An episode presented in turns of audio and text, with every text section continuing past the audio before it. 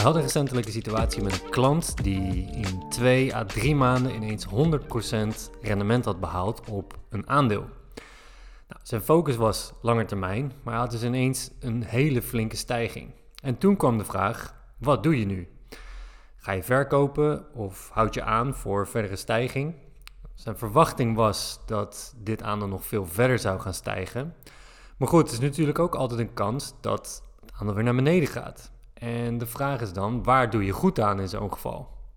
Ja, en het is misschien belangrijk om als eerste te benadrukken dat dit voor veel mensen niet iets is waar je maandelijks over na hoeft te denken. Nee.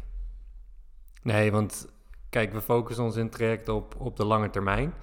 Ehm, nou, dat was dit aandeel voor hem ook toevallig. Uh, maar lange termijn is in veel gevallen waar je weinig tijd aan kwijt bent. Hè. We focussen op iets wat zo efficiënt mogelijk is. Een portefeuille die we zo efficiënt mogelijk inrichten.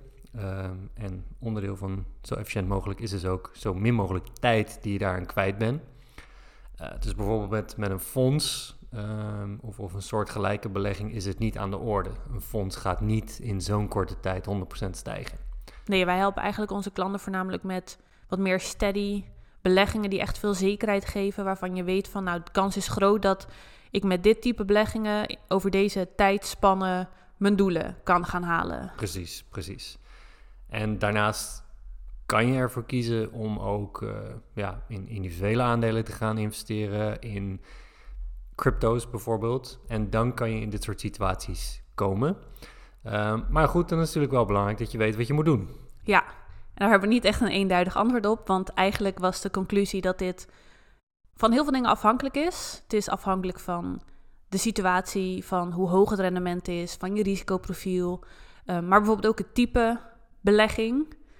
Dus ja, er is niet echt een one size fits all. Nee, het is gewoon een stuk gelaagder en, en echt uh, per situatie uh, verschillend. Ja, ja, dus als je met of, of zo'n situatie hebt, inderdaad, dat je ineens in hele korte tijd een flinke stijging hebt, dan is het dus echt. Ja, dan, je moet het eigenlijk echt individueel beoordelen en echt kijken naar. Ja, wat is dan de sector? Hoeveel potentie heeft deze belegging nog? Um, wat is überhaupt de reden dat het zo snel stijgt? En in dit geval was het een relatief nieuwe sector met nog heel veel potentie. Dus ook nog heel veel verwachtingen. Dus dan kan je aan de ene kant zeggen van ja, oké, okay, 100% stijging is heel veel. Maar tegelijk sta je voor je gevoel nog aan het begin. En is er ook nog heel veel mogelijk. Tegelijk, een verwachting blijft ook wel weer een verwachting. Ja, je hebt daarbij nooit zekerheid. Dus kijk, met, met, met aandelen, maar ook met crypto's, ik bedoel, hoge verwachtingen op, op basis van een technologie, hè, op, op, op iets baanbrekends wat, wat een bedrijf of crypto aanbiedt. Ja, dat, dat kan voor nu heel relevant zijn, maar het kan ook weer ingehaald worden door de tijd. En als je kijkt bij aandelen, ja, je bent ook afhankelijk van een bedrijf wat daarachter zit. Dus de bedrijfsvoering. Als je kijkt naar het management. Management kan bepaalde keuzes maken die uh, negatief uitpakken op een gegeven moment. Uh, op financieel gebied uh, moeten de keuzes gemaakt worden. Hè? Dus het zijn allemaal eigenlijk componenten die impact hebben op jouw belegging waar jij geen controle over hebt. Dus jouw verwachtingen kunnen alsnog super mooi zijn en denken van nou, uh, sky is the limit. Maar zekerheid heb je niet. Nee, en dat iets in hele korte tijd zo hard stijgt, laat ook zien dat het nog heel volatiel is. En dat het dus ook in hele korte tijd ook weer naar beneden kan gaan. Ja, nee, dat is wat wij altijd zeggen. Volatiliteit werkt twee kanten op. Ja. Het is super mooi als het, uh, als het omhoog uh, voor je werkt. Uh, dus in dit geval 100% in, uh, in, in, twee, drie maanden stijgt. Maar ja, hoe hard het stijgt, zo hard kan het ook dalen. Ja, ja dus in dit geval hebben we eigenlijk in eerste instantie samen met de klant gekeken van... oké, wat is dan inderdaad... Um, waar komt die stijging vandaan? Wat zegt het over de sector, over de potentie? Wat is überhaupt ja, gewoon de toekomstverwachting? Dat je dat wel in kaart brengt. En daarna, daarnaast hebben we ook gekeken naar een stukje balans, ratio, emotie. Van wat doet het met je als het nu bijvoorbeeld weer zou instorten naar 20% winst of misschien zelfs verlies? Ja, hoe voel je dan? Ja. Wat doet het emotioneel met je? Ik bedoel, ja. 100% stijging is natuurlijk... Het is afhankelijk van je inleg, hè? Want um, ja, op een paar honderd euro en dan 100% stijging, dat, dat doet niet zoveel. Maar als het duizenden euro's zijn, dan brengt het een hele andere emotionele, emotionele lading met zich mee. Uh, dus, dus daar moet je gewoon heel, uh, heel reëel naar kijken. En daarbij gaat het dus ook om dat, dat je voor jezelf goede gewoontes aanleert. En het voorbeeld wat ik net gaf, kijk, je kan zeggen 500 euro naar 1000. Ja, dat doet niet zoveel. Maar 50.000 naar 100.000, ja, is procentueel net zoveel. Maar emotioneel geeft het wel een groot verschil als het gaat om dat soort bedragen. Ja. Dus daar moet je wel gewoon heel realistisch over zijn. En aan de andere kant, kijk, voordat je gaat beleggen, maak je een plan. Dat is wat, wat deze klant ook had gedaan. Dus je hebt een analyse gemaakt. Uh, nou, dat is een stukje toekomstverwachting. Wat gebeurt er in de sector? Wat verwacht je van bedrijf? Et cetera, et cetera. Dus gewoon een goed plan gemaakt. En dan kan je zeggen, nou, over een x aantal jaar verwacht ik dat. Hè? Uh, dat, is, dat is een aanname die je doet. Ja, dan gebeurt het ineens in hele korte tijd. En dat geeft een andere emotie. Ja. Want als je bedenkt van, nou, ik leg nu wat in en over 1 à 2 jaar, nou, denk ik wel dat dit de potentie heeft om te kunnen verdubbelen in waarde. Hè? Op basis van jouw analyse, aannames die je doet. Maar als hij dat in plaats van twee jaar in twee maanden doet, ja, dan kan je emotioneel ook denken van, hé, hey, als hij nu 100% in twee maanden heeft gedaan, wat is dan allemaal mogelijk in vier, zes en tien maanden? Ja, of dan inderdaad in die twee jaar. In plaats van over twee jaar verdubbelen, misschien is hij over twee jaar wel keer tien gegaan dan. Precies. Ja, dus, dus dat is een emotie die, die dan uh, erbij komt kijken van, oh, 100% in korte tijd. Nou, dan kan hij nog veel verder gaan in korte tijd. Ja, of niet. Ja. ja, dus dan bedoel je meer van de valkuil is dan dat als eigenlijk een aandeel of een, of een belegging iets anders doet dan je plan, dat dan emotie gaat overheersen. Dus dat het juist dan belangrijk is om je gewoon aan je plan te houden, jezelf goede gewoontes aan te leren. Precies. Want ja, hij kan dan inderdaad in twee jaar keer tien gaan als hij in twee maanden verdubbeld is. Maar hij kan inderdaad ook na die verdubbeling weer instorten. Ja. En dan ben je heel die winst kwijt. Ja. Nou, en dat is wat ik ook net aangaf met, met het verschil tussen een klein bedrag en een groot bedrag. Want dat geeft ook wel heel erg aan hoe je als, je, als je die gewoonte aanleert, hoe je een klein bedrag managt ten opzichte van een groot bedrag, procentueel is hetzelfde. Ja. Ja, maar emotioneel zit een hele andere lading Precies. achter. Maar als je dat met relatief kleine bedragen op een goede manier kan doen, nou, dan is de kans groot dat je dat later, op het moment dat je je geld laat groeien en dat het om grotere bedragen gaat, uh, ook met die goede gewoontes dus op een goede manier doet. Ja, dus dan gaat het er eigenlijk om dat je kijkt dan dus in eerste instantie, doe je een analyse en kijk je inderdaad naar de verwachting, maar daarnaast is het ook rationeel blijven. Dus je niet laten overwhelmen eigenlijk door een bepaalde emotie, wat al heel snel natuurlijk ja. greed, wat is dat, hebberigheid, ja. hebzucht. Ja, nou ja, fear, fear en greed is natuurlijk, ja. ik bedoel, dat, dat, dat, dat is eigenlijk wat de markt drijft in de basis. Um, ja, op het moment dat koersen dalen, dan, dan is er extreme veer en dan blijven mensen er zwaar van weg. Uh, op het moment dat, dat het omhoog gaat, dan is er greed. En dan denk je, oh, het kan niet hoog genoeg. En uh, ja, dan word je bijna bevangen door de, door de FOMO en van, oh, meer en meer hebben en, en hij moet nog hoger. Dat. Ja. En dat moet je eigenlijk, dat moet je counteren door voordat je in een belegging gaat een plan te hebben. En duidelijk te weten, wat doe ik als... Nou, en dan hebben we nu met dit voorbeeld een vrij uitzonderlijk geval. Um, zeker in het geval van aandelen die dan in relatief korte tijd verdubbelen. Ja, ja want ik moet zeggen, als ik naar mijn persoonlijkheid kijk, dan snap ik de greed heel sterk.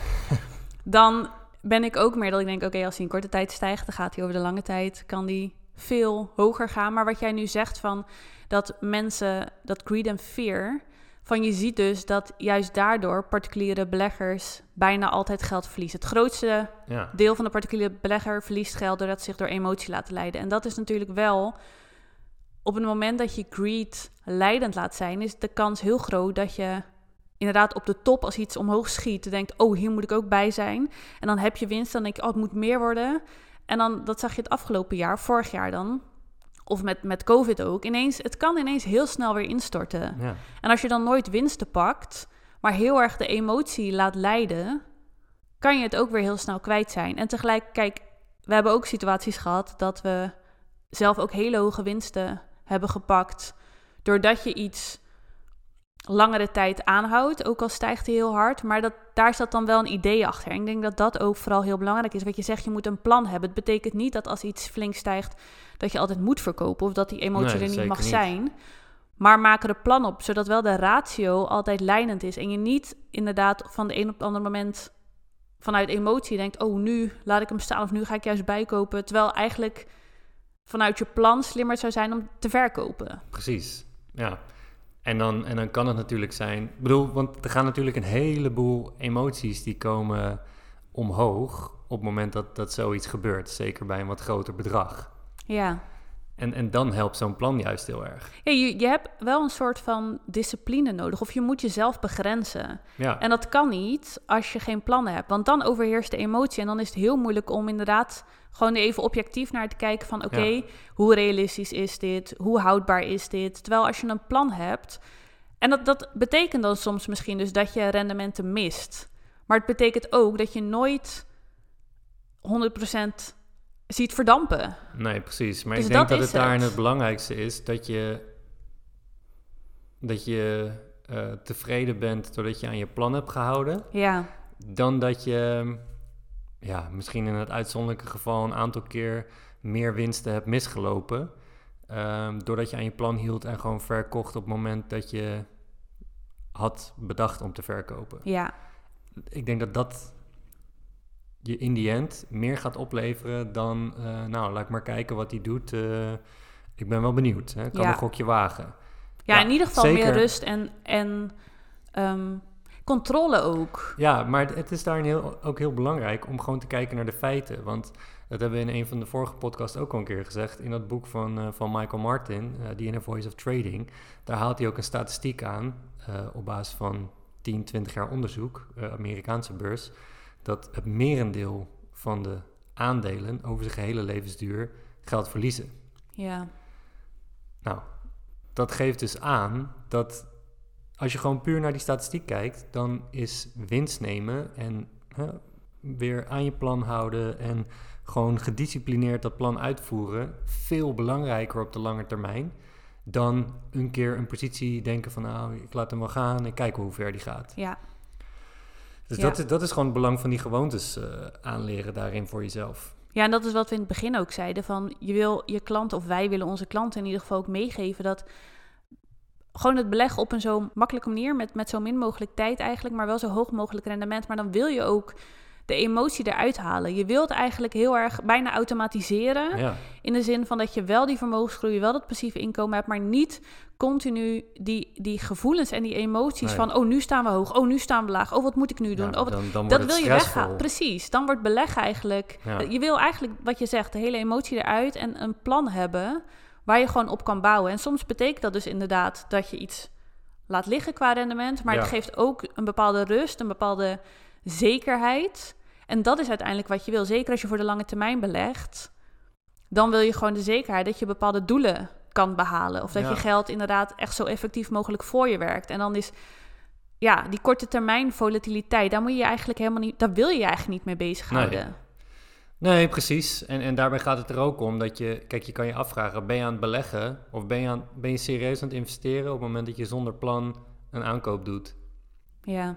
En op emotie daarna gaat verkopen Precies. of bijkopen of ja. Ja, op emotie gaat bijkopen of eh, in paniek verkopen. Ja, Ja, dat, dat, dat, dat werkt gewoon niet. nee. En het is ook zo van, ja, op papier kan je mooie winsten hebben, maar het is pas echt een winst op het moment dat je ze realiseert. Ja. En ja, misschien dan iets van een oplossing eh, hierin in aan te dragen, eh, en zeker deze situatie. Kijk, je hebt natuurlijk een aantal dingen die je kan doen.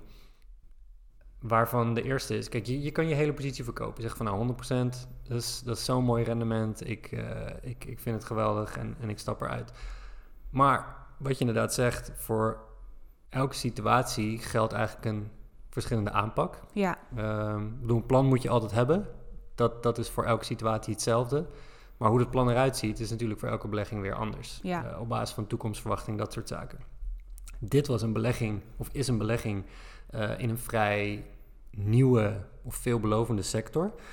Ehm, En dan daar kan je inderdaad zeggen van ja, 100%, dat is misschien nog maar het begin. Nou, je hoeft niet je hele positie te verkopen. Uh, wat je ook kan doen, is de helft verkopen of je inleg eruit te halen. Uh, dus als je op 100% zit, verkoop je de helft. Heb je eigenlijk je inleg eruit gehaald. En het stukje wat nog staat, is eigenlijk een risicovrije positie. Waarom risicovrij? Mijn inleg is eruit. Ja. Dus feitelijk kan ik niks van mijn inleg meer verliezen. Het enige geld wat daar nog staat, wat, is al winst. Dat is de winst die het aandeel heeft gedaan. Dus op het moment dat hè, de potentie die ik verwacht, die gaat die waarmaken, dan stijgt dat gedeelte, heeft de mogelijkheid om verder te stijgen. En nog exponentieel te stijgen, zonder inderdaad dat het, als het, het maakt dan niet zo heel veel meer uit als hij dan toch weer naar beneden gaat. Het is zonde, het blijft zonde. Precies. Maar het risico is er al vanaf. Ja, ja, dus je hebt dan op dat moment... Ja, dus als, als hij dan weer wat verder naar beneden gaat... of worst case, helemaal het, het faalt. Ja. Dan heb je geen geld verloren. Nee. Maar je hebt wel nog de mogelijkheid om in de aankomende jaren... inderdaad een exponentieel rendement te halen op zo'n aandeel. Ja, dat is de beste positie waar je kan zitten. Risicovrij is eigenlijk stressvrij. Ja.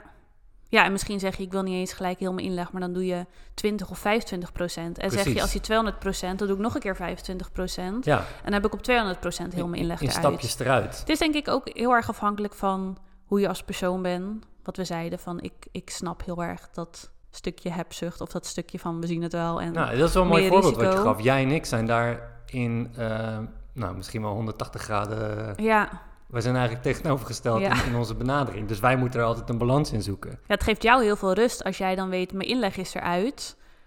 En de rest, dat mag dan, daar mag dan mee gebeuren wat, wat je wil in die zin. Of je pakt in de weg omhoog uh, stukjes winst. Ja, maar ook dat is dus inderdaad belangrijk om naar te kijken. Dat is wat we al kort benadrukt hadden van... Wat, wat doet het emotioneel met je als je dus inderdaad die rendementen hebt, maar bijvoorbeeld ook als het weer instort of ook als het verder groeit. Van, Je wil ook dat beleggen, het, het, moet je financiële rust geven. En wat je nu vaak ook ziet bij mensen, wat we ook veel horen, is dat mensen zeggen: Ik word heel onrustig van als ik mijn geld beleg, want het gaat zo alle kanten op. Ja, dat betekent dus dat je of dingen doet die niet bij je passen qua risicoprofiel, qua, qua waar je je goed bij voelt, of je hebt geen goed doordacht plan, waardoor je eigenlijk niet zo goed weet wat je moet doen en daardoor geen grip hebt op je beleggingen. En daar gaat het denk ik heel vaak fout. En dan weet je dus ook, ja, dan met die 100% rendement bijvoorbeeld, dan gaat de emotie de overhand nemen. En, dan, is een grote kans dat je verkeerde keuze maakt. Ja, en misschien maak je een goede keuze, maar dan maak je een, een volgende keer wel weer een keer een verkeerde keuze. Want je, het is, je doet het eigenlijk gewoon puur natte vingerwerk, zonder dat er een idee achter zit. En dat, uh, ja, dat is gewoon zonde. Ook, ook gewoon mentaal. Dat is gewoon niet wat je wil als je gaat beleggen. Je wil, je wil dat het je rust geeft, dat het je zekerheid geeft, dat het gewoon steady is. En niet dat je elke keer met dit soort emoties moet dealen. Nee, klopt. Dus ja, misschien nog even een korte conclusie maken. Ja, nee, ik denk dat is wel goed wat je in het begin zei, van dat, dat voor veel mensen dit niet zo snel speelt, hè, omdat, je, omdat je gewoon voor het grootste gedeelte van je, van je portefeuille, of wat wij onze klanten leren, Ehm, in, in vrij steady beleggingen waar je weinig omkijken naar hebt, maar wel uh, de kans op, uh, op zo hoog mogelijk rendement. Ja. Uh, dus, dus dit speelt op het moment dat je er echt voor kiest om echt in individuele aandelen te gaan. En dan, dan heeft het ook nog. Ja, of crypto. Precies. Maar dan maakt het ook nog uit welke type aandelen. Dus het is wel misschien om dat nog even te benadrukken. Um, maar goed, dat is, dus, dat is dus ook waar we in het traject mee helpen. Om mensen te leren hoe ze dat zelf kunnen beoordelen. Ehm, en daarin denken we dus ook met je mee wat slim is en wat in jouw situatie werkt. Dus enerzijds is het, oké, het opstellen van het plan. Dat is één. Ehm, ja, heb je aan alle zaken gedacht waar je aan zou moeten denken? En wat doe je als ja. dit of dat gebeurt? En, en ik denk dat dat echt een hele grote meerwaarde is van, uh, van, van wat we in het traject doen. Ja, het is ook echt die combinatie van überhaupt het stukje inderdaad... Um, dat stukje toekomstperspectief, stukje analyse, snappen wat een bepaalde belegging doet en wat het nog kan gaan doen. Het stukje plan, um, maar ook inderdaad het stukje jezelf kennen. Van wat past dan inderdaad bij mij? Hoe, ben ik, hoe gevoelig ben ik emotioneel? Um, waar, waar doe ik goed aan? En, en dan denk ik inderdaad ook het kunnen sparren. Want net als deze klant, ja, die had een plan gemaakt, maar als dan inderdaad je plan ineens anders uitpakt. Ja, Dan is het heel fijn als je iemand naast je hebt waarmee je gewoon Ja. even objectief kan sparren van oké, mijn plan gaat een andere kant op. Wat is nu slim? Waar doe ik goed aan? Denk even met me mee. We hebben dit en dit afgesproken. Is dat in deze fase nog steeds wat ik zou moeten doen? Dus het, dat haalt ook, het haalt gewoon een heel stuk onzekerheid en onwetendheid weg. ja en, en je bent voorbereid op, op een volgend scenario waarin dat kan gebeuren. Precies. En dat is dan ervaring waar je de volgende keer zelf mee aan de slag kan. Ja. Dus conclusie is, het verschilt vooral per belegging. En daarom is het gewoon heel belangrijk dat je weet wat je doet. Dat je jezelf ook goed kent, dat je weet wat bij je past. Belangrijk dat je een plan hebt. Dus dat je niet op het moment zelf pas gaat bedenken wat je doet. Want dan laat je door emotie leiden. Dus het is ook heel belangrijk dat je van tevoren al bedenkt... oké, als een aandeel dus met x stijgt of misschien met x daalt... wat ga ik dan doen? En dat het in veel gevallen slim is om in ieder geval wat te verkopen en wat winsten te pakken. En je hoeft dus niet gelijk alles te verkopen. Je kan dat ook in stukjes doen. Ik denk dat ik hem zo wel goed een samengevat eh, heb. top samenvatting. Mocht je hier dus meer over willen, heb je zoiets van... ja, ik wil inderdaad wel beleggen, maar ik, ik, ik vind het spannend. Of zo'n plan, ik weet niet waar ik moet beginnen. En ik ben inderdaad wel zo iemand die heel onrustig wordt van het idee van beleggen. Hoeft dus allemaal niet. En met zo'n plan dan denken we heel graag met je mee. Wil je daar meer over weten of wil je even met ons bellen daarover? Dan kan dat via de link in de bio en dan spreken we je hopelijk snel.